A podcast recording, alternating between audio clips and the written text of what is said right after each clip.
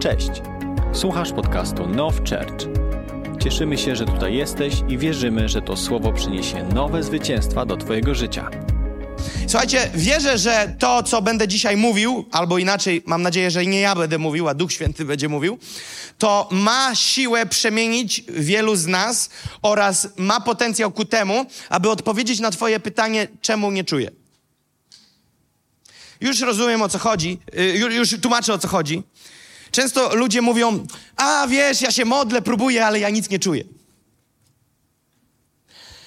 Taka myśl na marginesie, ok? Nie przewodnia, bo nie o tym. Ale tu w ogóle nie chodzi o to, żebyś ty czuł. Gdyby żona usłyszała, przyszła żona przed ślubem od przyszłego męża, że w związek małżeński wchodzi po to, żeby czuć, ona powie, to ubogi ten pakiet wnosisz do tego związku. Bo rozumiesz, będzie wiele innych aspektów. Nie tylko czuć.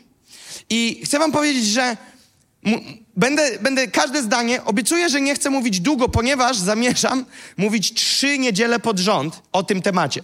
Dlatego będę to rozkładał i dawkował do momentu, kiedy widzę, że przestaje lecieć. Więc kochani, my musimy zrozumieć, dlaczego my potrzebujemy Boga, bo bez Boga nas by nie było. To jest myśl, która musi nam przyświecać. My nie przychodzimy do Boga dlatego, żeby się lepiej poczuć, żeby doświadczyć jakichś charyzmatów. My nie przychodzimy do Boga, żeby poczuć dreszcze na karku. Wiecie, widziałem, znaczy nie widziałem, słyszałem, widzieć też widziałem, staram się nie widzieć takich rzeczy. To są miejsca, w których ludzie zbierają się, siadają w kółeczku i szukają elek elektryki Ducha Świętego. Siadają i bzz, przekazują sobie Ducha Świętego. Naprawdę. Bzz. I, I rozumiecie? I, I chrześcijaństwo opiera się o bzz. Naprawdę tak robią. Biorą palec, dotykają osoby w kółku i mówią bzz, przyjmij Ducha Świętego. I ten drugi, i ten teraz, ten co zrobił, wyciąga palec i dotyka drugiego w kółku, bzz, i ten Boże Święty, wybacz, że grzeszymy. To nie o to chodzi. To nie znaczy, że jeżeli kiedykolwiek ktoś cię dotknie, a ty się przewrócisz i będzie bzz, to że to było złe. Ale nie bzy szukamy. Szukamy Boga, który jest źródłem wody żywej, chlebem żywota wiecznego. Szukamy Go, ponieważ my Go potrzebujemy. My zostaliśmy tak stworzeni, że my bez Boga nie damy rady. Ja może jestem ekspresyjny, dynamiczny, ale ta dynamika i ekspresja i charyzma w niczym mi w życiu nie pomoże, jeżeli nie będę miał Boga. Ona mi nie wystarczy, ona mnie nie zaspokoi, ona nie pozwoli mi sięgnąć po rzeczy, które by mi wystarczyły. Ja bez Boga wegetuję. Ja bez Boga nie istnieję. Musimy zrozumieć te cztery rzeczy, że Bóg jest chlebem, światłem, wodą i powietrzem. Bez tych czterech rzeczy nie da się żyć. Sami ludzie mówią, ile ty możesz gadać o tym Bogu? No a ile ty możesz oddychać? Bo, bo, bo jeżeli Bóg nie jest chlebem, światłem, wodą, powietrzem dla kogoś, to jest dodatkiem. A o dodatkach nie rozmawia się non-stop. Ale jeżeli Bóg jest chlebem, światłem, wodą, powietrzem, to On musi być wszędzie i muszę go mieć non-stop. Ja nie mogę go zaszufladkować i otwierać go w niedzielę o 10 czy 11, zależy od zboru. Ja potrzebuję Bóg, Boga 24 na dobę. To nie znaczy, że 24 na dobę będę rozmawiał tylko o Bogu, bo żyjemy na ziemi, na której umiejscowił nas Bóg i są inne tematy też. Ale oznacza to, próbuję powiedzieć, że Bóg jest najważniejszy. Bóg naprawdę za swojego krótkiego życia, bo w tym roku mam trzydziestkę, więc tak jak Jezus zaczął służbę na 30 rok życia, ja zaczynam, wierzę. Więc 30 urodziny będę miał w maju, więc moje życie jest krótkie stosunkowo do, porównując do wielu z was tu na tej sali. No może niewielu, bo nie czujcie się urażeni. Ale rozumiecie, do czego zmierzam? Że, że może dużo nie widziałem, ale naprawdę ja dużo już w życiu doświadczyłem, jeżeli chodzi o takie fajne rzeczy. Myślę, że więcej fajnych rzeczy doświadczyłem niż spora większość ludzi na sali. Sport mi otworzył wiele możliwości. Wiele rzeczy doświadczyłem, których młody człowiek nie jest w stanie doświadczyć ze względu na ograniczenia, które ma ze względu na wiek. Ja mogłem wielu rzeczy doświadczyć. Kosztowałem tego życia. Kosztowałem różnych przyjemności. Dane mi było już po nawróceniu korzystać z fajnych rzeczy poprzez to, że ktoś chciał mnie czymś ubłogosławić, ktoś mnie gdzieś tam zabrał. Wiecie, ja, ja, nie jestem blacharzem, nie zrozumcie mnie źle, ale ktoś kiedyś powiedział do mnie, wiesz co, taki człowiek wierzący z innego kraju powiedział, ja chciałbym cię przewieźć Bentleyem.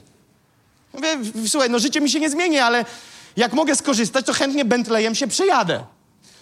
Więc dał mi tego Bentleya i ja prowadziłem tego Bentleya. Ale żebym powiedział, że o Boże, moje życie uległo zmianie. Wiecie, jaka różnica jest między Bentleyem a Skodą? Pali dwa razy więcej, kosztuje osiem razy więcej, waży dwa razy więcej i wszyscy się na to gapią. Taka jest różnica między Bentleyem a Skodą. Ale życia to nie zmienia. Oczywiście usiadłem, to było dziwne, bo ten, te miejsce, z którego wyciągasz pas, było na takiej taśmie i dostosowało się odległością do tego, jak ja siedziałem. Ten pas później się zacisnął na mnie w odpowiednim sposób. Wycio- z fotela wyjechały z dwóch stron jakieś takie, że jak w fotelu się takim bujanym poczułem. No generalnie cudawianki, rozumiecie? Ale czy moje życie uległo zmianom, bo jeździłem Bentleyem? Powiem wam szczerze, że nawet chyba gdybym miał go za darmo, wolałbym nie mieć Bentleya i mieć Skodę, bo łatwiej by się żyło. Miałem możliwość skorzystać z wielu fajnych rzeczy. Kiedyś miałem możliwość być zaproszonym przez ambasadora pewnego kraju i pewnego biznesmena do pewnej turbo ekskluzywnej, szalenie drogiej restauracji, o której filmiki są w internecie. Ja tam nie jechałem. Ja bym musiał wiele lat odkładać, żeby tam wejść po przystawkę, ale chłopaki mogli, zaprosili mnie. Ja zapytałem przy rachunku, czy coś dołożyć, ale modliłem się, żeby powiedzieli nie. I rozumiecie, byłem w tej restauracji. Na takiej szpadzie wkładano mi mięso do ust. Może ktoś kojarzy, o czym mówię. Byłem w tych miejscach. Skosztowałem sobie rzeczy, które ten świat oferuje. I powiem wam, to w ogóle nie syci. To jest fajne. Fajnie jest coś przeżyć, ale to są plastiki. To, to, to nie ma w tym zaspokojenia duszy. Biblia mówi, i ja ci mówię, że tak jest. On jest chlebem, światłem, wodą, powietrzem. Nic inne nie jest chlebem, światłem, wodą, powietrzem. On jest tym, co my potrzebujemy do życia. To jest myśl przewodnia, dlaczego my przychodzimy na modlitwę. Ponieważ jak wiecie, post, ale i modlitwa przez 22 dni. Mamy codziennie spotkania tu w kościele od 1 do 22 stycznia. Niektórzy mówią, wow, my to się zebraliśmy na tydzień. Wy na trzy. Ale co to są trzy tygodnie? My chcemy doprowadzić dzień w dzień, a później dwa razy dziennie, a finalnie, daj Boże, 24 na dobę. Ponieważ uwielbienie musi sączyć się non-stop. Kadzidło musi się unosić non-stop. Woń modlitwy modlącego się kościoła musi unosić się non-stop. Nie po to, aby sprawować obrządki religijne, ale po to, że to jest tym, co zmienia rzeczywistość. Bóg zmienia rzeczywistość poprzez modlitwy, które Kościół uwalnia. Kościół się modli, Kościół oczekuje. Kościół zanosi modlitwy. To jest woń, woń w złotych czaszach, o których mowa jest w objawieniu Jana 5:8, że są 24 starców. Tam są czasze, złote modlitwy napełnione wonnościami i wonności te to modlitwy świętych. Więc my potrzebujemy napełniać te, te czasze modlitwami, czyli wonnościami. Potrzebujemy napełniać te czasze, modląc się. Napełniamy to czasze, aż do przelewu. To jest głęboki temat, nie na dziś, ja tylko tak go drapnę. Ale to są tematy, które będziemy poruszać. Więc my nie schodzimy się, żeby błysnąć w internecie. O, 22 dni się modliliśmy. Wstyd na arenie międzynarodowej. Przebudzeniowe kościoły mają trzy razy spotkania dziennie. Przez 7 dni w tygodniu, 30 dni w miesiącu. To nie jest żaden błysk. My po prostu chcemy tym wyrazić sygnał: Boże, my Ciebie potrzebujemy jako Kościół.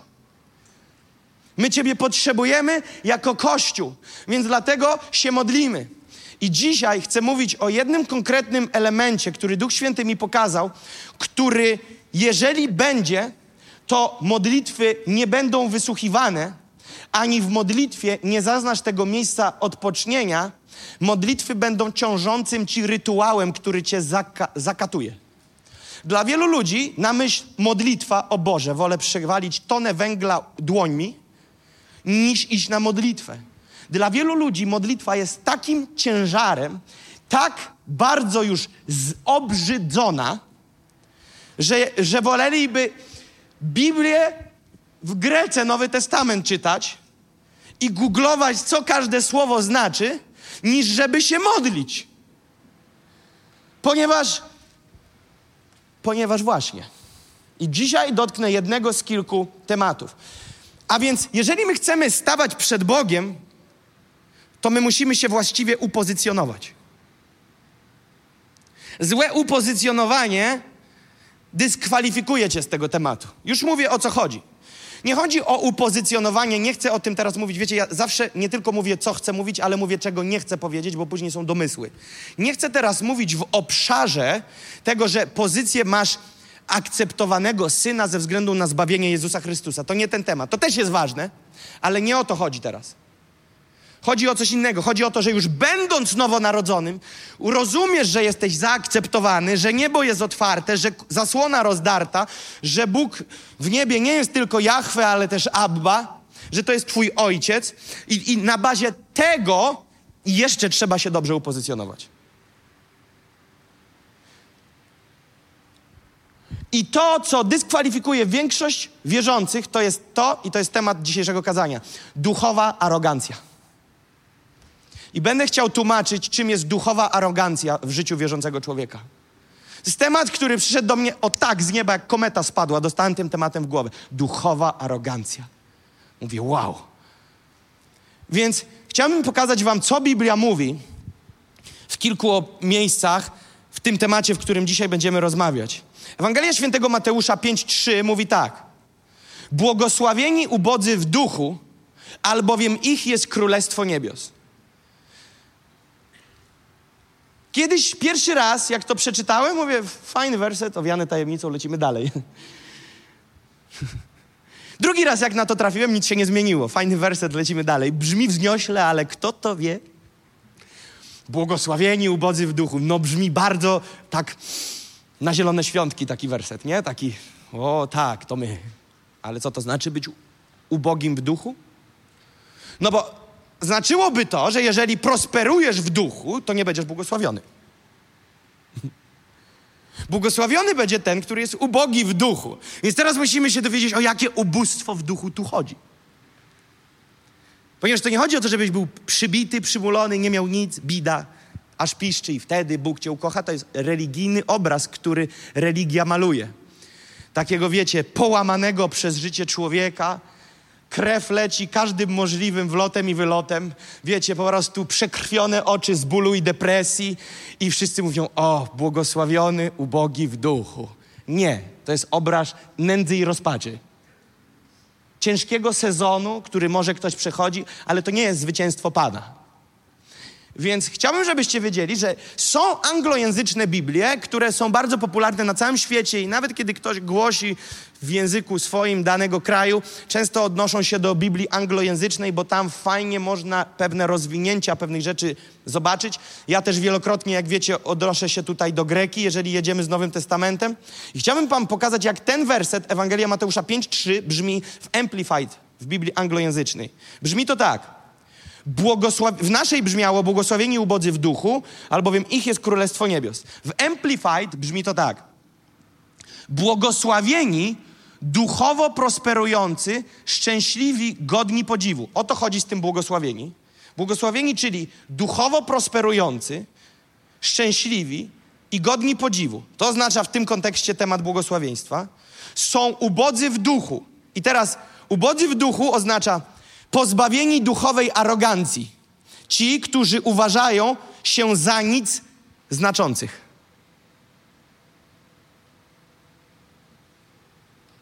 Albowiem do nich należy Królestwo Niebieskie, zarówno teraz, jak i na wieki. Kiedy dostałem temat duchowej arogancji, nie wiedziałem, że w Amplified jest odniesienie do duchowej arogancji, ale przygotowując Mateusza 5:3, poczułem, żeby odnieść się do Amplified. I kiedy otworzyłem wczoraj wieczorem Amplified, zobaczyłem, że tłumaczeniem tego właśnie wersetu w anglojęzycznej Biblii jest napisane o arogancji. Nie zaczęło się od Amplified i na podstawie tego pojechałem z kazaniem. Amplified mi tylko pokazało to. Więc jeszcze raz przeczytam. Błogosławieni, czyli duchowo prosperujący, czyli szczęśliwi i godni podziwu, są ubodzy w duchu, czyli pozbawieni duchowej arogancji, ci, którzy uważają się za nic nieznaczących, albowiem do nich należy Królestwo Niebieskie, zarówno teraz, jak i na wieki. A więc oznacza tu, że o tą pozycję ubogiego w duchu, to chodzi o człowieka, nie który nic nie ma i nic nie rozumie, ale o człowieka, który jest pozbawiony arogancji w duchu. Arogancja duchowa jest bardzo dużym wirusem w dzisiejszym polskim kościelnictwie. I będę chciał mówić o tej arogancji. Pójdźmy, e, pójdźmy troszeczkę dalej. Chciałbym coś pokazać. Dajcie mi sekundkę. Otworzyłem sobie słownik języka polskiego, PWN, i sprawdziłem, co to jest arogancja. Definicję przynoszę wam z polskiego, z język, ze słownika języka polskiego. Arogancja jest to zuchwała pewność siebie połączona z lekceważeniem innych.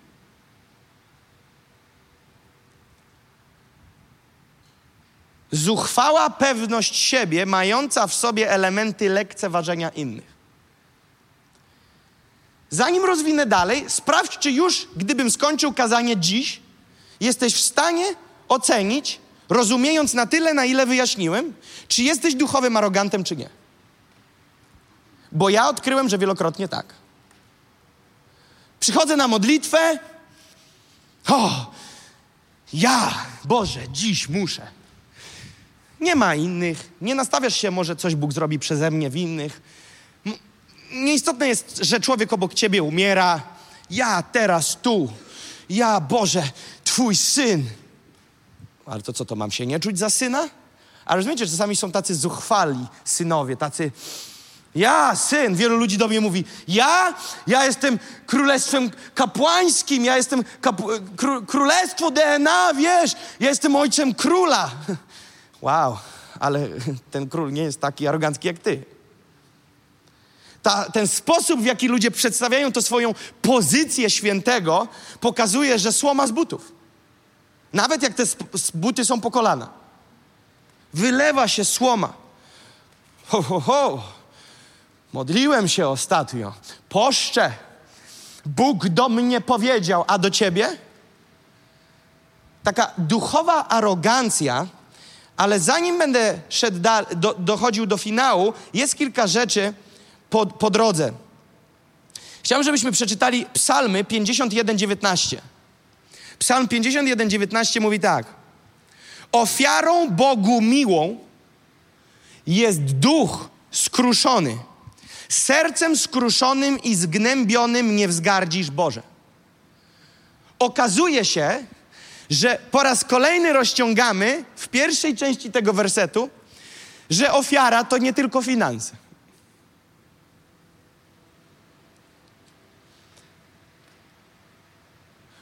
Ofiarą miłą, a więc znaczy, że może być też niemiłą.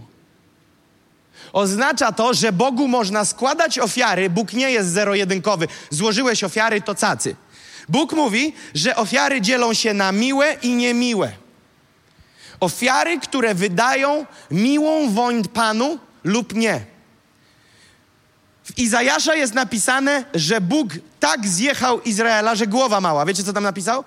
W obrzydzeniu mam wasze ofiary. Wasze kadzidło jest dla mnie odrażające. Bo czcicie wszystkie święta, ale wasze serca są dalekie ode mnie. A więc tutaj ten werset mówi o tym, spójrzmy na niego jeszcze raz. Psalm 51, 19 mówi, że ofiarą Bogu miłą, a więc Bóg ma jakieś upodobanie, jest duch skruszony, serce skruszone takim sercem, taką postawą, takim duchem, taką postawą działania, modlitwy Bóg nie wzgardza. Co to znaczy Bóg wzgardza? Mam wrażenie, że tak jakby Ciebie nie słuchał. O, Bóg mnie nie słucha. To może do wzoru trzeba podstawić. Biblia mówi, że ofiarą miłą Bogu miłą. W miłej ma upodobanie. Miłą chce oglądać, miłą chce wąchać. Miłej chce słuchać. Mówi, ofiarą miłą Bogu jest duch skruszony, serce skruszone.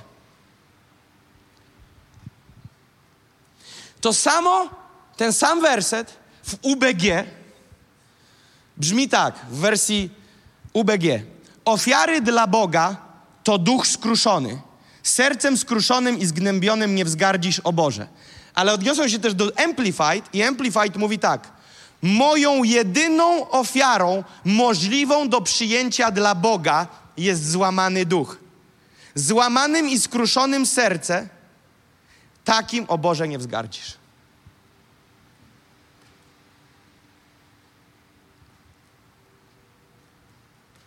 Księga Psalmów 34:19 mówi tak: Bliski jest Pan tym, których serce jest złamane, a wybawia utrapionych na duchu.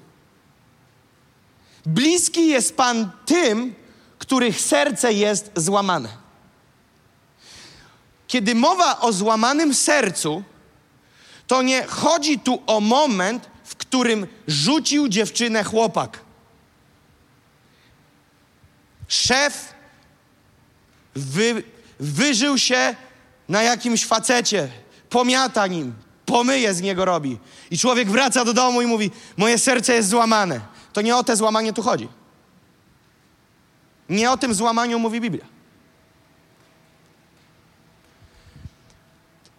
Temat złamanego serca nie jest tutaj opisany w kontekście konsekwencji przykrych wydarzeń, ale postawy serca, która ma towarzyszyć dzień i noc przez wszystkie dni Twojego nowego życia w Jezusie.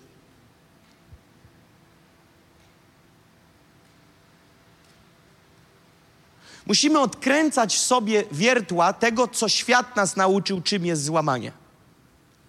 Nas nie interesuje Wikipedia świecka, tylko Wikipedia nieba. Mnie nie interesuje, co mówi Wikipedia o złamaniu w oczach Wikipedii. Mnie interesuje, co Bóg mówi o złamaniu. Teraz połączmy to z tym, że wielokrotnie, kiedy robiłem wezwanie do przodu i mówiłem, przyjdźmy tu wszyscy i módlmy się, Boże, złam mnie. To nie chodzi o złamanie, że On bierze twój kręgosłup i i ty jesteś połamany, jęczysz z bólu i Bóg mówi, teraz jesteś złamany. To nie o tym złamaniu Bóg mówi. To jest miejsce, to jest, zapisałem sobie takie zdanie, to nie jest tylko moment, który się przejawia, kiedy noga się powija i kiedy się wywracasz, ale jest to miejsce i pozycja i sposób, w którym stoisz przed Panem, kiedy przed Niego stajesz. Pozycja złamanego serca przed Bogiem.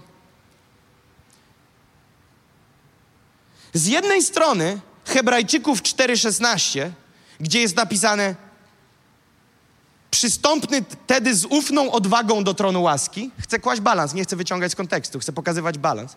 Z jednej strony Hebrajczyków 4:16 przystąpny z odwagą, z ufnością przed tron łaski, a więc wygląda to na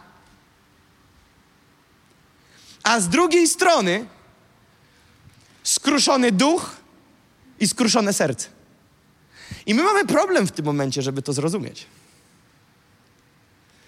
No bo jak się ma to zejść razem?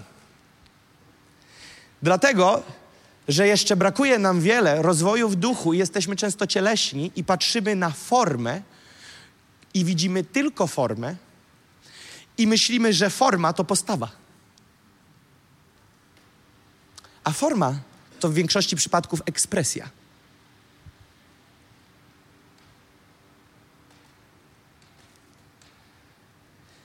Tak wiele razy mówiono mi, o ten Kamiński patrząc na to, jak on głosi, to taki arogant. Arogancki facet. Arogancki, bezczelny, młody facet. Dlaczego? Forma może na to wskazywać.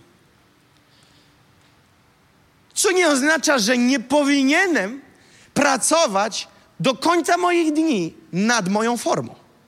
Jedno nie wyklucza drugiego. Tak, aby mieć taką formę, takie słownictwo, jakie Bóg chce, abym miał, ani nie słabsze, ani nie mocniejsze. Ale nie możemy oceniać po formie, o, kama to jest arogancka, bo ona tak szybko chodzi. No to te wszystkie historie ze Starego Testamentu, że sługa A prze, przegonił sługę B, kiedy niósł list z posłaniem, no to aroganci wszyscy. Zapomnijmy o tym, skupmy się na duchowej formie, ok? Tak często próbujemy przywdziać właściwą formę na zewnątrz, że zapominamy, że to nie na to Bóg patrzy finalnie, a na serducho. Eliab miał właściwą formę, brat Dawida, syn Jessego, kiedy stanął przed Samuelem, przed prorokiem, kiedy były wybory na prezydenta, czyli na króla nad Izraelem. Samuel przyszedł do Betlejemu i powiedział, dawaj tu wszystkich swoich synów. No i ojciec był pewny, Eliab wygra, bo Eliab był silny, jak żaden z braci, rosły, bicepsik, wszystko było, forma stanął pobożnie, powiedział pierworodny. A Samuel, odjazd, to nie ty. Wyobrażam sobie, jaką porażkę przeżył w tym momencie Eliab. Jak to nie ja? Przecież ja ciągle trenowałem na ten dzień. Właściwą formę pobożności. A ona nie została zaakceptowana. Ponieważ to, co Bóg sprawdził, wybierając, to nie jak ręce podnosił, nie jakich słów używał, ale co miał w sercu. I dlatego wybory wygrał Dawid. Chłop, który bardzo w dziwne miejsca ręce pchał. Nie po to, co jego. Robił rzeczy, których nie powinien. A jednak forma i zewnętrzne działania nie zmieniły obrazu i perspektywy Boga na Dawida, ze względu na to, że jego serce było skruszone. A więc z jednej strony przystąpmy z ufnością i odwagą do tronu łaski, a z drugiej bliski jest Pan tym, których serce jest złamane, a wybawia utrapionych na duch. A więc jeżeli zdejmiesz formę ze sceny i skupisz się na duchowej formie tych dwóch wersetów, wtedy się uda.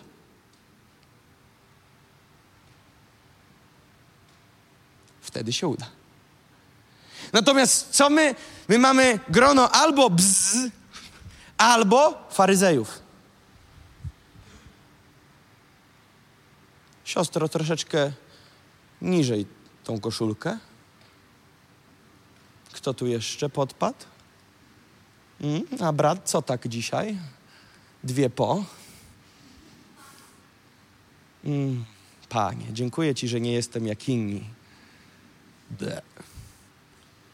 Z jednej strony wariaty, a z drugiej strony, a gdyby tak pobrać i ustawić się w środku i upozycjonować się właściwie w tych dwóch wersetach.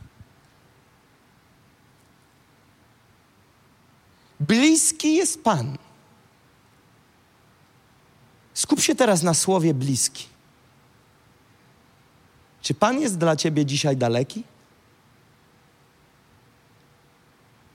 Gdybyś miał odpowiedzieć, daleko czy blisko? Bliżej ci do, do odpowiedzi blisko, czy bliżej ci do odpowiedzi daleko? Jest Pan od ciebie. Widzisz, ta pozycja skruszonego serca nie jest pod obserwacją w niedzielę na nabożeństwie, ale 24 na dobę przy rozmowie mężu z żoną, kochana żono, przy rozmowach z mężem, kochany rodzicu, przy tym jak rzucasz po ścianach dzieciakami, dzieciaki, jak pokazujesz, co pokazujesz, kiedy mama zamknie drzwi, jak mąż z żoną rozmawiają o pastorze przy kolacji, jak pastorzy rozmawiają o członkach kościoła przy kolacji, jak liderzy rozmawiają o liderach, jak spiskowcy przeciwko całej reszcie. To wszystko jest odnotowane. I ty myślisz, że Bóg śpi wtedy? I kiedy przyjdziesz do kościoła, wyciągniesz dwie dłonie? to, że Pan powie, hmm, przyjemna woń. Mam upodobanie w tym słudze moim kochanym. Ach. Czy, czy Bóg spinasz nakłada?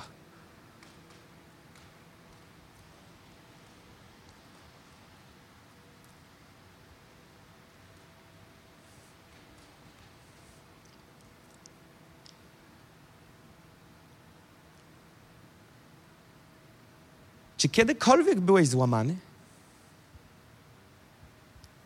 Bo złamanie to jest postawa non-stop. Ale z tego, co ja widzę i rozumiem, do postawy chodzenia w złamaniu potrzeba jednorazowych aktów złamania. Im bardziej hardy jesteś, tym więcej cię trzeba będzie jednorazowo ciąć. Innymi słowy, większa szlifiera i większe iskry. I większe pojedyncze ciosy, jeżeli więcej w tobie jest tego dzikiego konia. Ja pamiętam, jak mówiłem: Boże, ja chcę wypełnić wszystko, co dla mnie zaplanowałeś, a jeżeli jest opcja w jakiś sposób się zachować tak, że da się więcej dostać zadania niż już dałeś, wiecie, taka dyskusja z Bogiem, to proszę Cię, bez względu na koszt i ból, przełam mnie, abym stał się gotowy do tych rzeczy. Chcę Wam powiedzieć o jednym momencie z wielu, w których byłem, nie wszedłem w poziom złamania non-stop, bo to jest ciągły proces, ale przy pewnych okolicznościach, które doprowadziły mnie, że jest ten dźwięk. Naginaliście kiedyś e, jakiś patyk, gałęź i ona jest sekunda przed i jest ten dźwięk jak pęka? Czy miałeś te momenty w swoim życiu, że o Ponieważ zobacz, co się dzieje z patykiem, takim niesuchym drzewem, takie było najcięższe połamać, takie świeże, wilgotny, mniej więcej taki na dwa metry. Ty możesz po tym skakać, to się wygina jak guma. Prawie ustę go zrobisz, dalej nie pęka. Wiesz, jaki jest problem? Jeżeli nie dociśniesz, to wróci do swojego rozmiaru, do swojego kształtu.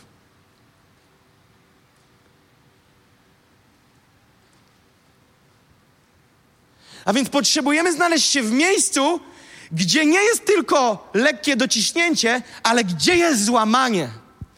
I pamiętam, jak mówię, Boże, w obszarach, w obszarach, które znam, ale i w obszarach, których nie znam, nie widzę, a mnie blokują w przeróżnych rzeczach, w moim chodzeniu z Bogiem.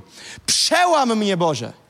Złam mnie, złam moją pychę, złam moją butę.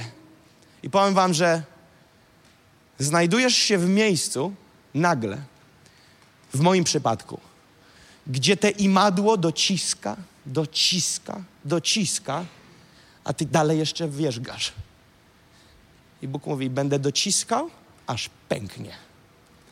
I powiem Wam, że to nie jest, że Bóg jest sadystą. Bóg doprowadza nas do tego oczyszczenia diamentu, do tego oczyszczenia złota, przepala nas. I pamiętam ten moment, kiedy, kiedy trzeba było przygotować się do kolejnego spotkania, do kolejnego głoszenia. I pamiętam, że siadłem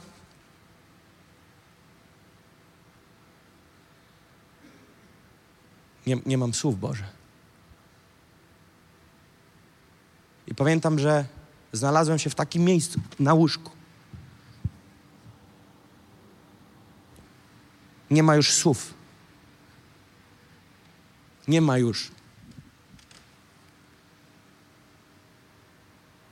I nagle usłyszałem w duchu. I wiecie, co nagle się stało? Świeży olej świeże siły. Nagle nie ma co się martwić o przyszłe głoszenie. Kazanie przyleciało w taki sposób, plus wiele innych objawień. Mówię, Boże, to było tak niezbędne, żebyś doprowadził mnie. Dlaczego? Bóg nie chce takich momentów. On nie ma upodobania w tym momencie, kiedy ja leżę zgięty w kulkę. Żeby teraz nie, mu, nie było, że wszyscy, którzy leżą zgięci w kulkę, to Bóg cię do tego miejsca doprowadził, żeby nie było. Ja mówię o właściwym złamaniu, gdzie leżysz i mówisz: Boże, jeżeli tu zaprowadziła mnie arogancja, to mnie przełam. To jest ten moment, kiedy nie masz tego własnego, własnej siły sprawczej. Zazwyczaj to było, wiesz, o, siata, ta, ta, ta, ta, ta, ta. To nie znaczy, że siata, ta, ta jest złe, ale rozumiecie? A jest to miejsce, gdzie znajdował się już nieraz Dawid, psalmista. Boże, po prostu proszę Cię, weź mnie pod obronę. Wyciągnij rękę do swojego sługi. Wyciągnij rękę po swego sługę, wyciągnij mnie. Teraz uwaga. Żad... Ja nie mówię o, o problemach, z których chcę, żeby Bóg mnie wyciągnął. To jest miejsce, w którym znajdujesz się w duchu. To nie chodzi, że o, to źle, to źle, to źle, tu jest presja, tu jest presja, tu jest presja i teraz zabierz mnie z tych sześciu punktów. Nie o to chodzi. Boże, po prostu zabierz mnie. A co to znaczy? Ja nie wiem. Ale takie słowa przychodziły mi na usta. Zabierz mnie z tego miejsca. To jest te miejsce, gdzie, gdzie Twoje serce zaczyna mówić głośniej niż Twoje usta. To jest takie miejsce, w którym nie ma nawet myśli o obojętności, nie ma miejsca na neutralność. Jak wiele razy jesteśmy neutralni na nabożeństwach, na modlitwach. Przychodzimy, wygodnie siadamy, poruszamy się z wiatrem zespołu wielbienia. Tak po prostu sobie się kołyszemy. Tak po prostu sobie jesteśmy. Jak zagrają jakąś namaszczoną pieśń, z której oliwa się zleje, to się zleje. A jak nie, to przecież jest 50 innych zborów w Warszawie. I tak sobie. Wiecie, jak wygląda taki ponton przy brzegu, nie? I tak sobie czekasz na takie przełomy. A. A. Podziękujmy Kościołowi, Bogu za to, co robi. O, dzięki Ci, Panie. I tu dochodzę do ostatniego elementu tego jakże krótkiego dzisiaj kazania. Czasami Pan pozwala nam się znaleźć w miejscu, gdzie jedyne co możesz powiedzieć to znajdź mnie. Nie wiedząc, że jesteś zgubiony? Wybacz mi, wcale nie popełniając żadnych ciężkich grzechów, w cudzysłowie ciężkich. Jedyne co możesz zrobić to wyciągnąć rękę z drugą ręką, które stają się ścianami bocznymi dla Twojej głowy. Wiesz o czym mówię? O tej postawie.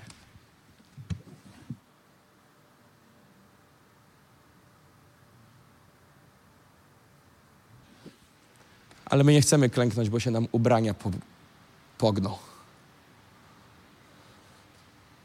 Co tam będę klękał? Na stojąco wygodniej.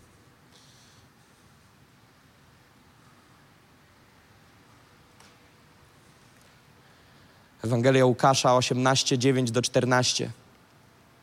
Łukasza 18 od 9 do 14 mówi tak. I powiedział także do tych, którzy pokładali ufność w sobie samych, że są usprawiedliwieni, a innych lekceważyli. To podobieństwo. Jezus mówi podobieństwo. Dwóch ludzi weszło do świątyni, aby się modlić. Jeden faryzeusz, a drugi celnik. Musimy rozumieć, kto jest faryzeusz, a kto to jest celnik. Faryzeusz w tamtym czasie, długa szata i wykładał w synagogach torę. A celnik to chłop, który brał po kieszeniach. Okay? Jezus nie mówił, wszedł prezes firmy i sprzedawca świeczek na cmentarzu. Jezus mówił ich językiem. Więc mówi, wchodzi faryzeusz i wchodzi celnik. Faryzeusz stanął i tak się modlił.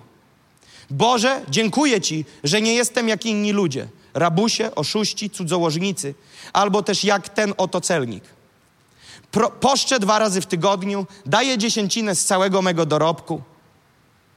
A celnik stanął z daleka i nie śmiał nawet oczu podnieść ku niebu.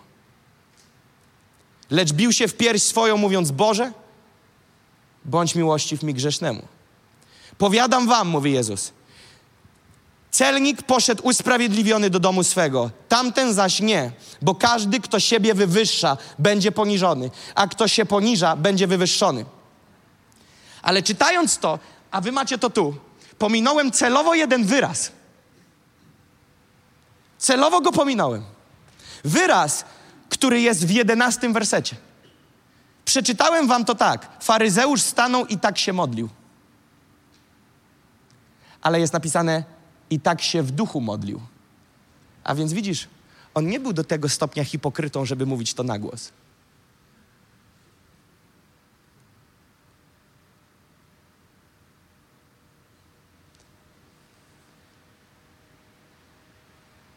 Te myślenie było już wewnątrz. Ja, ja poszczę dziesięcinę? Fuh, regularnie. Zaokrąglam do dychy w górę. Do 10 zł w górę. Jak wychodzi dziesięcina 1997, to ja daję dwa koła. Zaokrąglam, daję zawsze w górę, poszczę, modlę się, przychodzę na nabożeństwa, a nie ta co Franca, co przychodzi co drugie nabożeństwo. Przez takie właśnie gnidy nie mamy przebudzenia.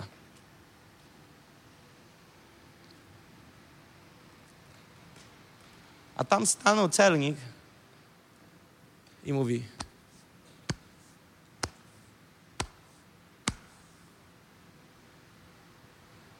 Nie mam żadnej sprawiedliwości.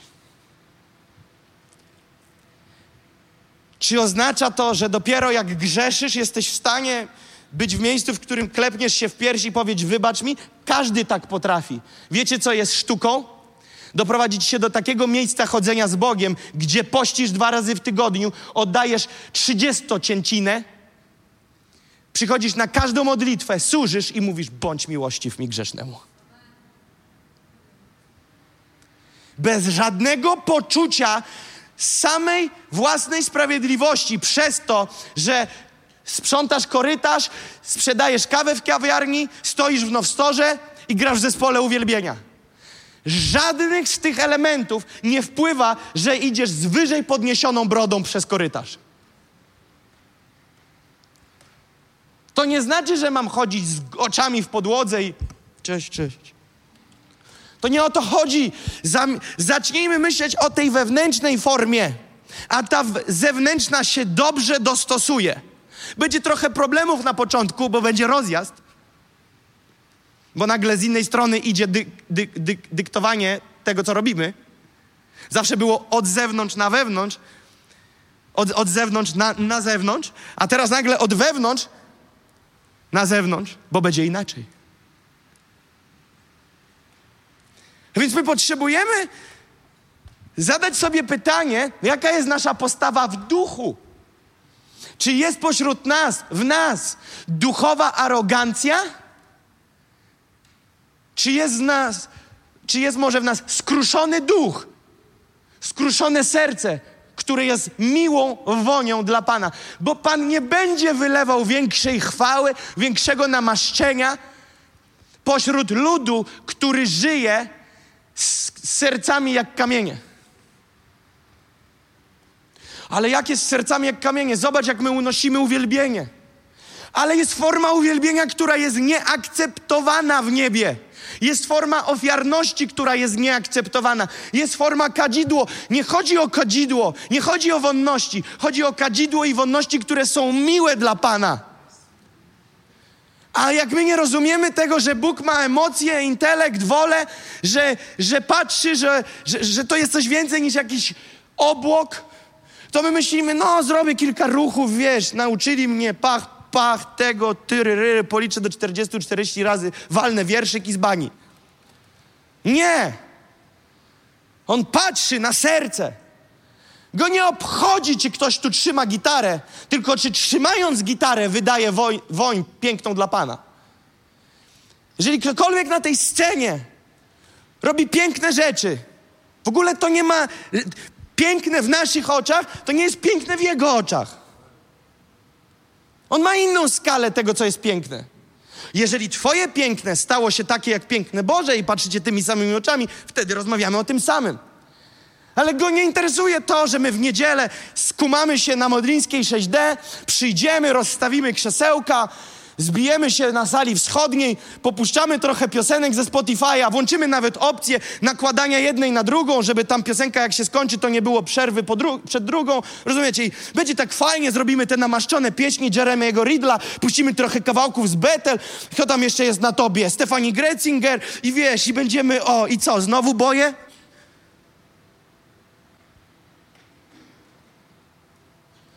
Jeżeli byśmy przez trzy tygodnie non-stop na te modlitwy przyszli ze skruszonym sercem, ten budynek by spłonął. My byśmy nie mogli wychodzić z tej sali.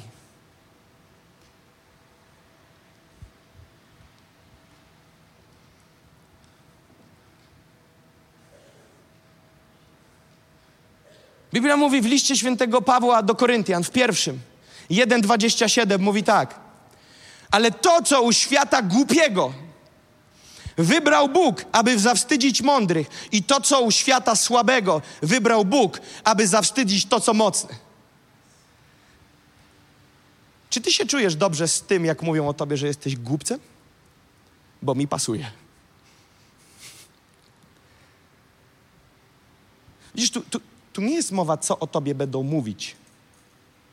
Tu jest mowa tak naprawdę, co wybrał Bóg w kategoriach tego świata, że jest za mądre albo za głupie. Ale pytanie, czy ty utożsamiasz się z głupcami? Bo mi pasuje. Widzisz, to nie chodzi o to, że jeżeli ktoś, nie wiem, w wieku 15 lat już miał do czynienia z problemy z prawem, poprawczaki, prokuratura na łbie, wybijanie okiem w kościołach, rzucanie puszkami w pastora, i nagle, wiesz, radykalne nawrócenie wychodząc z sądu, radykalne odwrócenie się od grzechu. I, I teraz, no kurczę, jak sam siebie za durnia nie uznasz w takim układzie, no to już naprawdę jest y, y, pycha level pro.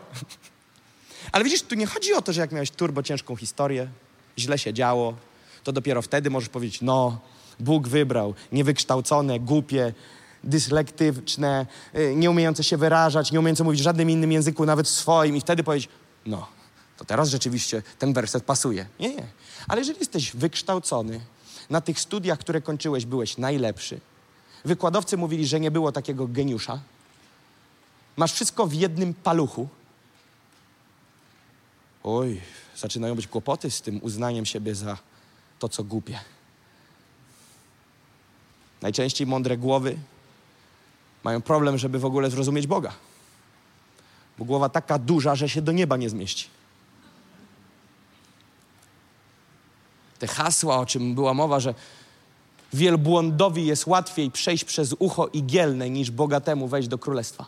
Dlaczego? Bo co, bo chodzi o to, że kieszenie są tak wypchane, że się nie zmieści? Nie. Chodzi o to, że człowiek bogaty jest tak nadmuchany, że im większy rozstaw rąk w osi, tym większe pieniądze w portfelu, co znaczy, że większa pycha. Niektórzy to tak chodzą.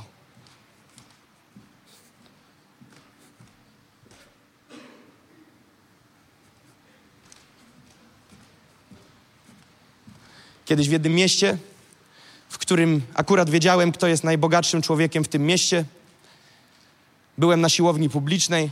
Byłem, kiedyś byłem. I byłem na ławeczce, cisnąłem, podnosiłem. On mnie nie znał, ale ja go tak. Wszedł na siłownię, podszedł do ławeczki, na której ja byłem w trakcie, trzymałem, wyciskałem, mówi, zejdź chłopiec, teraz ja robię.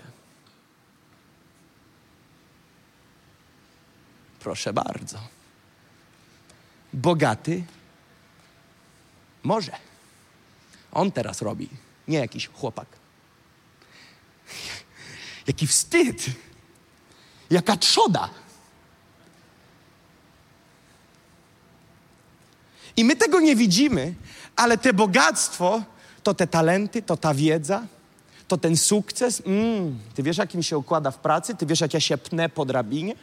Ty wiesz, kim ja jestem? Wiesz, mi ciężko się odnaleźć tu między taką hołotą.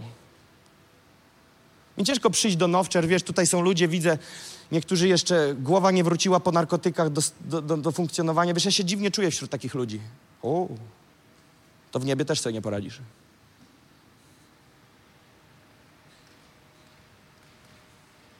Ale często nie musisz mieć napchanych kieszeni, ale masz wielkie wyobrażenia o sobie.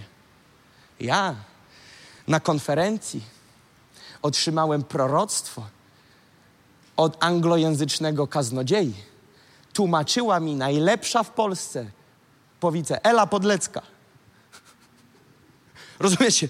Żartuję Ela, wszyscy są fajni. Rozumiecie? I Ela mi tłumaczyła. I Ela tłumaczyła mi jeden do jednego. Nawet później, jak nie rozumiałem czegoś, nawet co ona powiedziała, to ja do niej zadzwoniłam. I ona mi przekazała, co on powiedział. Wiesz, co on o mnie powiedział? No powiedz, że będę wielka.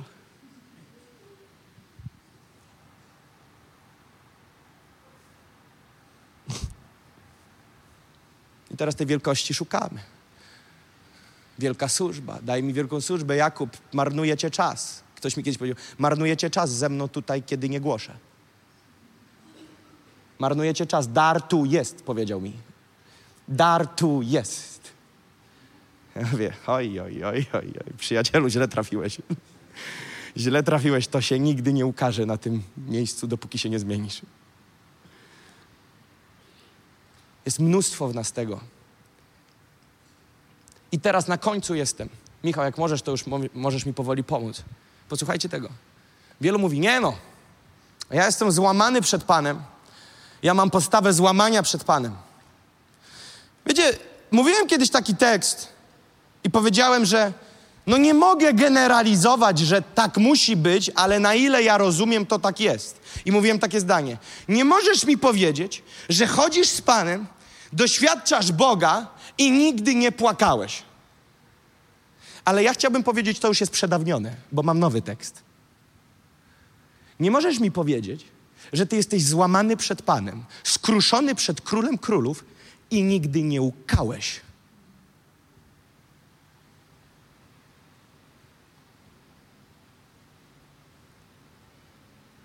Łkałeś. Łkać. To jest to miejsce, kiedy Cię wszechmocny nawiedza. Chcesz mi powiedzieć, że jesteś tak już duchowy, że Twoje emocje nie istnieją?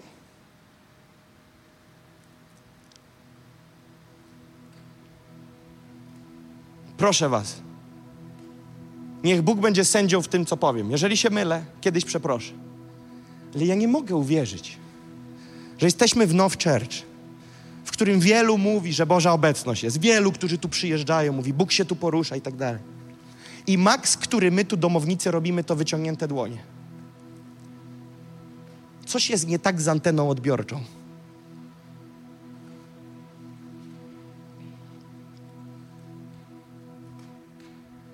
Coś jest nie tak. Ta obojętność taka. Fajnie, fajnie, fajnie ci młodzi ludzie grają. Fajnie, fajnie. Fajnie ten młody Kamiński to wszystko tam, wiesz, nie? Fajny, fajny zespół ma w ogóle. Ty, o czym ty mówisz? Po co ty w ogóle ten temat poruszasz i straciłeś 4,5 sekundy swojego życia na ten temat? Nie gadaj o tym. Czy ty jesteś skruszony przed Bogiem? I czy kiedy przychodzisz na spotkanie, czy to w domu, w komorze, czy w piwnicy, czy w samochodzie, czy w lesie, czy na łąkach kabackich, gdziekolwiek ty jesteś, to czy jesteś w miejscu, w którym Twoje serce i Twój duch jest skruszony i mówisz, Boże, kurczę, dotknij mnie! Ale nasz Max to jest boja.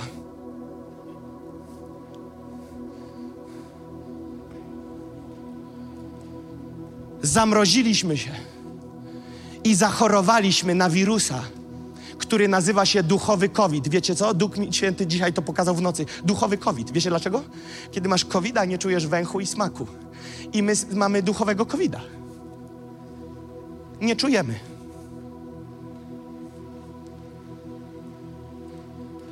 Wiecie, że to jest strasznie niebezpieczny wirus? Kiedy zatracasz zdolność odbierania częstotliwości w duchu, to jest ogromny kłopot i to jest blisko pewnej granicy, której nie chcę tłumaczyć, ale to jest bardzo niebezpieczna linia. Kiedy nagle nie jesteś w stanie już płynąć w rzece ducha. Twój maks to jest rzutnik, piosenki, wersety i kazanie.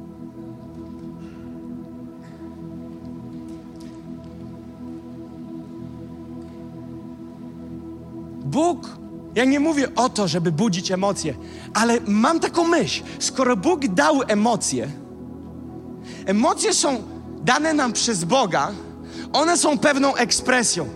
Ja widzę, jak ktoś płacze, a to nie jest płacz z ducha, tylko płacz emocjonalny. To łatwo złapać.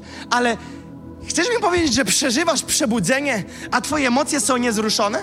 To albo jesteś turbo zraniony z przeszłości i potrzebujesz uzdrowienia duszy, albo jest już taki poziom zatwardziałości serca, cynizmu, arogancji i pychy, że nic się nie dzieje. My często, kiedy byśmy tego nie poruszyli tak i powiedzieli sobie tylko w jednym momencie takie zdanie i zdążyli, zanim człowiek zrobi polityczną odpowiedź, złapać, co jest pierwsze w myślach, to tak naprawdę większość z nas myśli, że więcej wie niż nie wie.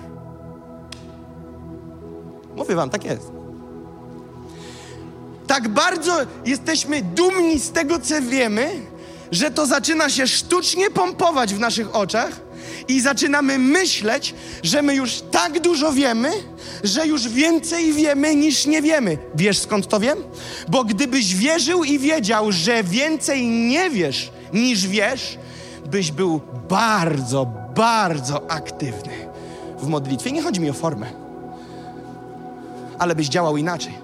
Ale to, że jesteśmy bojami, to oznacza, że czasami albo wciąż uważamy, że poziom, w którym jestem, jest ok. Czasami jestem bezradny, ponieważ na spotkaniach, na konferencjach, na modlitwach, tak jakby chociażby w piątek, z siebie fizycznie, fizycznie nie jestem w stanie dać już więcej, żeby powiedzieć Kościele więcej, więcej, więcej, więcej. Po prostu fizycznie nie dam rady zrobić więcej. Ale ja czuję, że wy sobie patrzycie czasami na mnie. Wariat tam krzyczy. Nie krzyczy. No może jak krzyczy, to to jego krzyczenie coś wyegzekwuje z góry.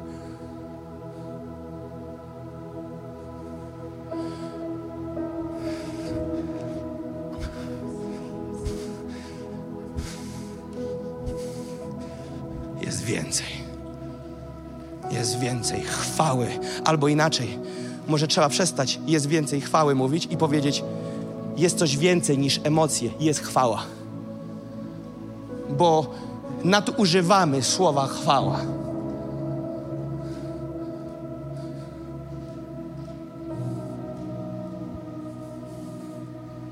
Jak Bóg powiedział do Mojżesza, słuchaj, ty za dużo prosisz, rozumiesz? Prosisz mnie, żebyś mógł zobaczyć moją chwałę, a człowiek nie może zobaczyć mnie i zostać przy życiu. Mojżesz mówi, come on, tyle przeszliśmy. Kurczę. Boże, nie każ mi dalej maszerować. Chcecie. Słuchaj, moi aniołowie pójdą przed tobą, zrobię ci drogę, obłok, słup ognia, wszystko będzie. Nie, nie. Fajnie? Ja chcę ciebie zobaczyć. Mówi, uff, ryzykujesz, kolego. Widzisz tą szczelinę w skale? Schowaj się tam. A jak będę przechodził, zakryję cię moją ręką. I kiedy przejdę, zabiorę swoją rękę i zobaczysz mnie z tyłu. Czy to nie brzmi jak coś więcej niż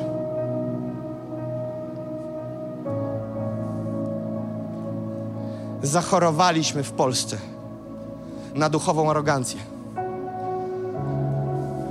Przynosimy turbo Biblię pod pachami, ubieramy się pobożnie, to wszystko jest fajne, ale na tym zaczęliśmy budować swoje pobożne życie a to nie zmieni tego 38-milionowego kraju.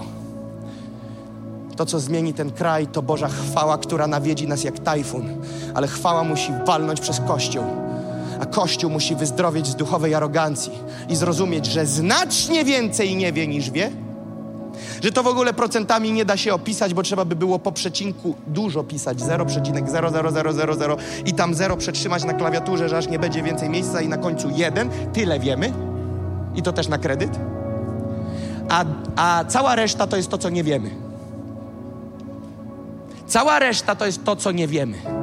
A my potrafimy siedzieć w kościele i nie przynosić notatek. Bo przecież my już wiemy. Przecież ten Kamiński znowu nam będzie gadał, że trzeba Boga. Przecież kółko to samo. Wow. Wszystko zapamiętamy, wszystko wiemy. Tego to tam wiesz. No co, tak naprawdę co on dzisiaj nam nowego powiedział? Co, co, co, co zanotować? Jedynie datę i godzinę spotkania.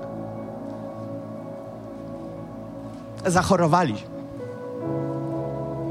Bo notatnik powinien być zapisywany w trakcie uwielbienia.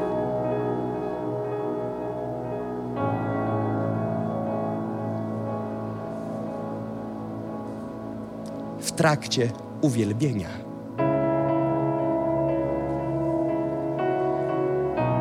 Poradziliśmy sobie z niektórymi rzeczami, ale z niektórymi nie. Wystarczy, że pół osoby nagada ci głupoty na to, że ktoś coś zrobił i ty już w oburzeniu na cały kościół. A nawet jak już łaskawie zaszczycisz swoją obecnością, to siedzisz jakby ci matkę zabili. I ty myślisz, że będzie przebudzenie? Kastrujesz siebie i kościół z, takiego, z taką postawą. W piątek pokutowaliśmy. Ci, którzy byli na modlitwie, Niektórzy powiedzieli w kościele, członkowie, że oni nie wiedzieli, że są modlitwy. Ludzie z oceanu piszą, czy mogą się dołączyć, bo są modlitwy, ale domownicy nie wiedzieli. Nie wiedzieliśmy, że są modlitwy. Przecież nikt o tym nie mówił. Tak? W poniedziałek było? Serio? A to nie wiem. A będą jeszcze? Tak. Jak ci się uda, wpadnij. Dobra, zobaczę, zobaczę. Byłem na jednym spotkaniu, pojechałem do jednego miasta, pastor mnie zaprasza. Chyba, chyba Dawid tam pastor był lub Marcin wtedy ze mną, nie pamiętam. Wchodzimy do knajpy, w restauracji, jemy, a w restauracji Jakaś kobieta kilka stolików dalej, kiedy my wychodzimy, mówi: Dzień dobry, dzień dobry, pastorze, do tego pastora tamtego, który był naszym gospodarzem. Dzień dobry, dzień dobry, o Jakub, tego, ten. Pastor mówi: Super, no to widzimy się wieczorem na spotkaniu. A ta osoba mówi: Ra Raczej nie przyjdę. A co czemu? Bo mam fryzjera. Ja idę do domu. Ona ma fryzjera. Kościół robi konferencję, ale ona ma fryzjera. I, I słuchajcie, to nie jest koniec, bo ona zaczyna teraz tłumaczyć przede mną i przed tym pastorem, że to my nie rozumiemy i mówi tak, bo to już była data dawno umówiona i zaczyna nam mówić, jaki jest ciężki układ w tym fryzjerze, żeby się tam zapisać. I brnie w tą porażkę dalej i głębiej. Ja mówię, Boże, ja wychodzę, ja nie mogę tego słuchać. Do widzenia! Wyszedłem, mówię, wymasz mi ją z pamięci, Boże bo wiara mnie opuszcza przed tym spotkaniem. Bo chciałem im powiedzieć, że jest więcej. Ale na początku chyba widzę, że trzeba modlić się o więcej fryzjerów, żeby rozłożyli w czasie. Żeby mogli się wpasować w okienka pomiędzy wizytami.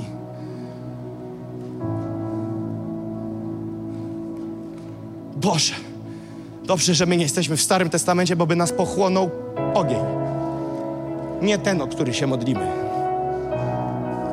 Potrzebujemy się ogarnąć. Potrzebujemy wyzdrowieć z tej buty i arogancji duchowej.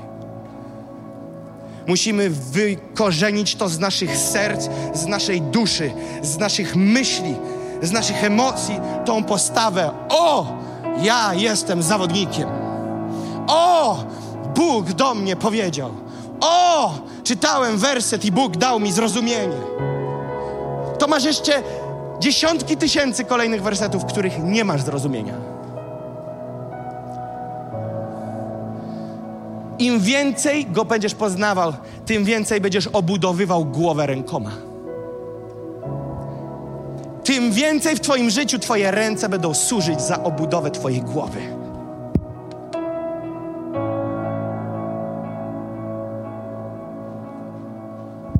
Panie, Ty wiesz. Panie, Ty wiesz. Ty znasz. Ty widzisz więcej niż ja, co jest we mnie. Przepal mnie.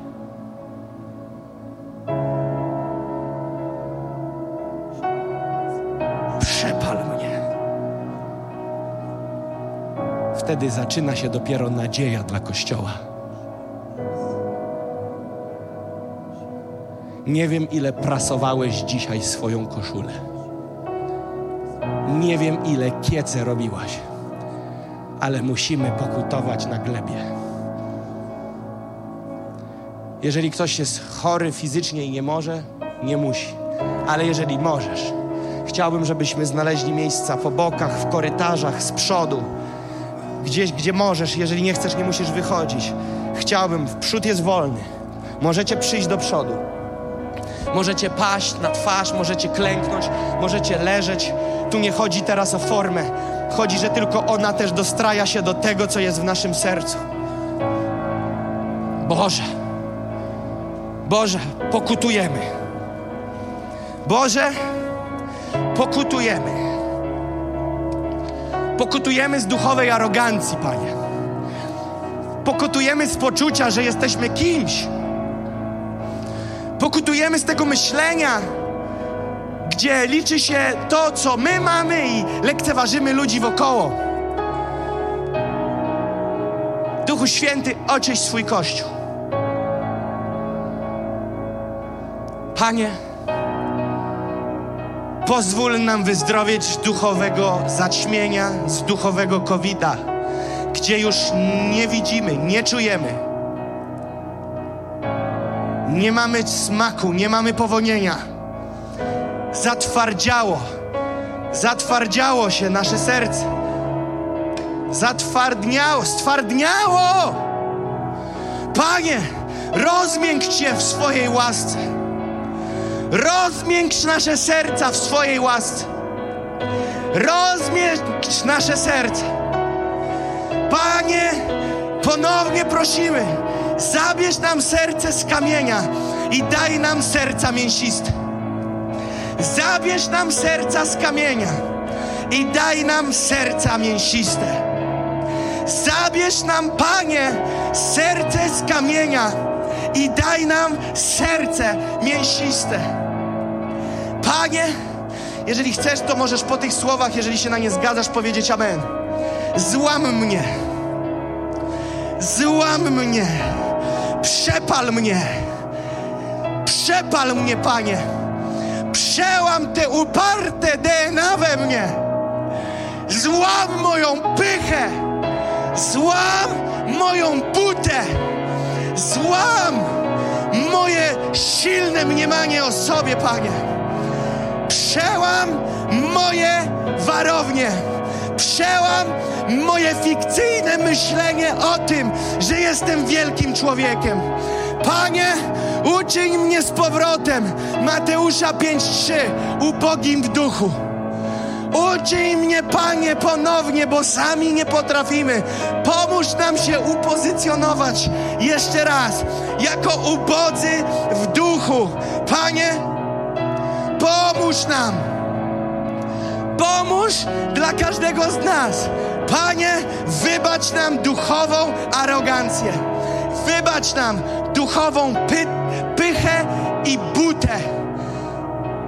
To nie jest nam potrzebny. To jest wirus, który się wkradł przez naszą niegotowość do bycia czujnym, do bycia na stand-by'u, Panie, aby rozpoznawać to, co się dzieje.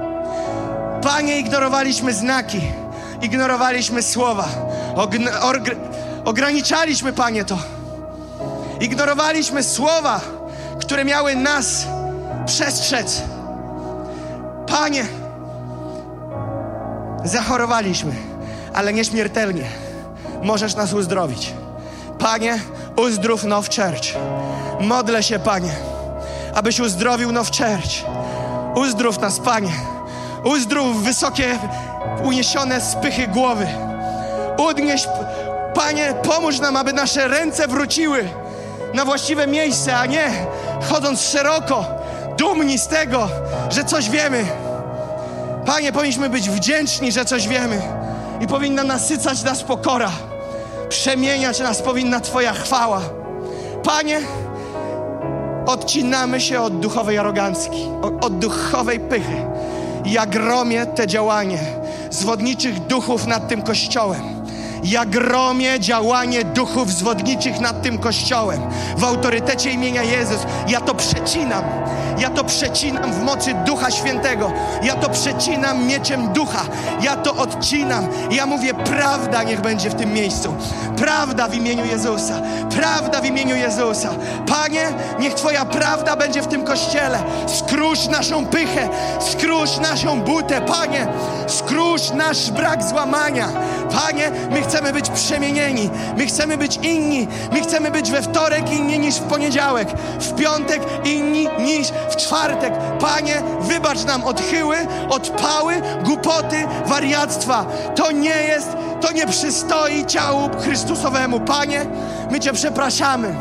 My tak wiemy, że dalej popełnimy błędy, ale Panie, chcemy je jak najbardziej minimalizować. Chcemy ich wystrzegać się jak możemy. Panie, prosimy Cię, niech wróci czucie. Niech wróci czułość na Twojego ducha. Musisz go, musisz go prosić. Nawarstwiło się na, wokoło nas tyle chłamu na sercu, że straciłeś możliwość, zdolność bycia czułym na ducha, a on jest jak gołębica to nie jest papuga, która krzyczy w klatce. To jest gołębica. Gołębica. Gołębica, która patrzy, czy może na kimś osiąść. Gołębica, która potrzebuje stabilnego, stabilnej gałęzi. Gałęzi, która stoi stabilnie, nie która strząsa z siebie wszystko przez swoją arogancję. Ale musisz powiedzieć, Panie, uczyń mnie drzewem, na którym rozgości się gołębica Ducha Świętego. Panie, Niech nie będzie tylu ostrych krawędzi, a jeżeli są, to je przypiłuj, tak aby Twoja gołębica mogła rozsiąść się na gałęziach mojego drzewa, Panie. O, Panie! O, Panie!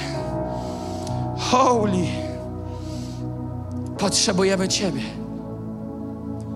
Potrzebujemy Ciebie, świeżego oleju. Będziemy się teraz przez kilka chwil modlić. Będziemy się modlić. Będziemy się modlić. Chciałbym, żebyśmy byli aktywni. Niech Duch Święty Cię prowadzi. Niech Duch Święty prowadzi nas. Zespół będzie grał, śpiewał.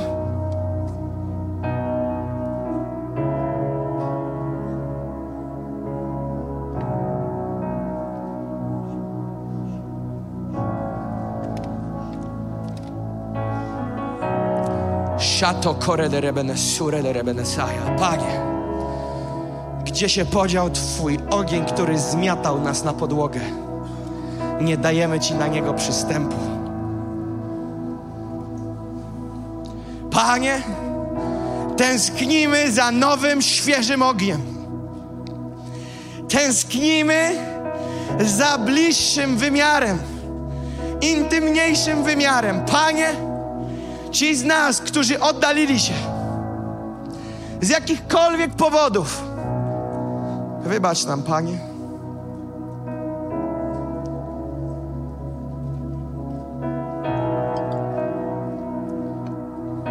Musi płonąć Twój ogień. Panie, każda osoba, widzę taki obraz teraz, każda osoba, która tu klęczy, jest jak kawałek węgla, które schodzą się razem i poprzez swoje uniżenie są polewane olejem, które Duch Święty chce podpalić. Pozycja uniżenia, pozycja, w której mówimy: Panie, jeszcze raz, jeszcze raz, jeszcze raz, jeszcze raz, jeszcze raz, jeszcze raz. Dotknij nas, Panie, wylej swój ogień Swoje namaszczenie. Nawet teraz, Panie Duchu Święty, wspomóż nas w tej modlitwie. Poprowadź nas w tych modlitwach. Prowadź nas, Duchu Święty. Prowadź, Duchu Święty. Niech ożywi się nasz duch. Niech ożywi się nasz duch. Niech ożywi się nasz wewnętrzny człowiek. O, siato. O, siata koreleryby nesaja. Więcej, więcej wstrzemięźliwości, Panie, w Twoim Kościele. Więcej bojaźni pośród nas, Panie, bo to przyciąga, bo to przyciąga Twój wzrok. Panie, Panie, uczyń nas, Panie, przyjemną wonią. Naucz nas, co Ci się podoba. Naucz nas, co lubisz, w czym masz upodobanie. Panie, chcemy być kościołem, jakkolwiek to brzmi, który Cię zadowala, którym masz upodobanie. O Panie, każdego z nas, każdą siostrę, każdego brata, uczyń, Panie, przyjemną wonią. O, przyjemną wonią, Panie, przyjemną wonią. Nie stać nas, Panie, na podniesioną głowę dzisiaj. Nie stać nas, Panie. Gdybyśmy byli w Starym Przymierzu, Panie, ogolilibyśmy nasze głowy i włożyli w wór pokutny i wysypalibyśmy popiół na głowę. Ale Panie, dzisiaj patrzysz na serca. Dzisiaj patrzysz na serca, nie na popiół, nie na szaty, nie na wory, ale na popiół w naszym sercu. Panie, ja wiem, że Duch Święty chce, abyśmy obsypywali nasze serca. To jest akt w duchu. Obsypali nasze serca, nasze głowy popiołem w duchu. Wyobraź sobie, co oni robili w Starym Testamencie, kiedy zgrzeszyli. Uwierali wory pokutne, golili sobie głowy. Boże, co tam się działo? Sypali popiół na głowę. Wyobrażasz sobie popiół? Jak oni wyglądali? Mam wrażenie, że nie było tam miejsca na tą elegancję, ludzką elegancję. Oni, oni przez to dali ujście, dawali ujście temu, że mówią: Boże, jesteśmy tak brudni, tak pożałowania godni, tak niegodni Twojej chwały. O Panie, wróć, wróć swoją chwałą. Wróć, Panie, w szeregi swojego ludu, Panie. Tak, wiemy, wiemy tą teologię, Panie, że jesteśmy zaakceptowani, bo Twój krzyż. Ale wiemy, że umierałeś za coś więcej niż bilet do nieba, Panie. Że jest coś więcej niż tylko przeżyć, ale żyć. O, Panie, zapal nas jeszcze raz.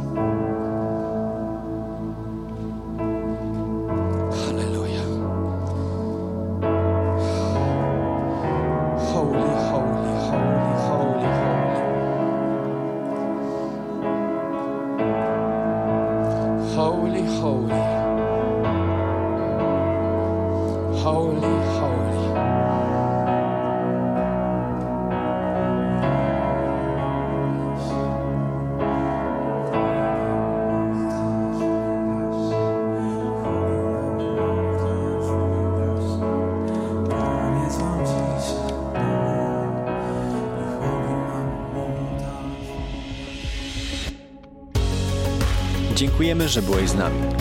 Jeśli chcesz dowiedzieć się więcej o naszych działaniach lub nas wesprzeć, zapraszamy Cię na www.nationsonfire.org ukośnik nowchurch.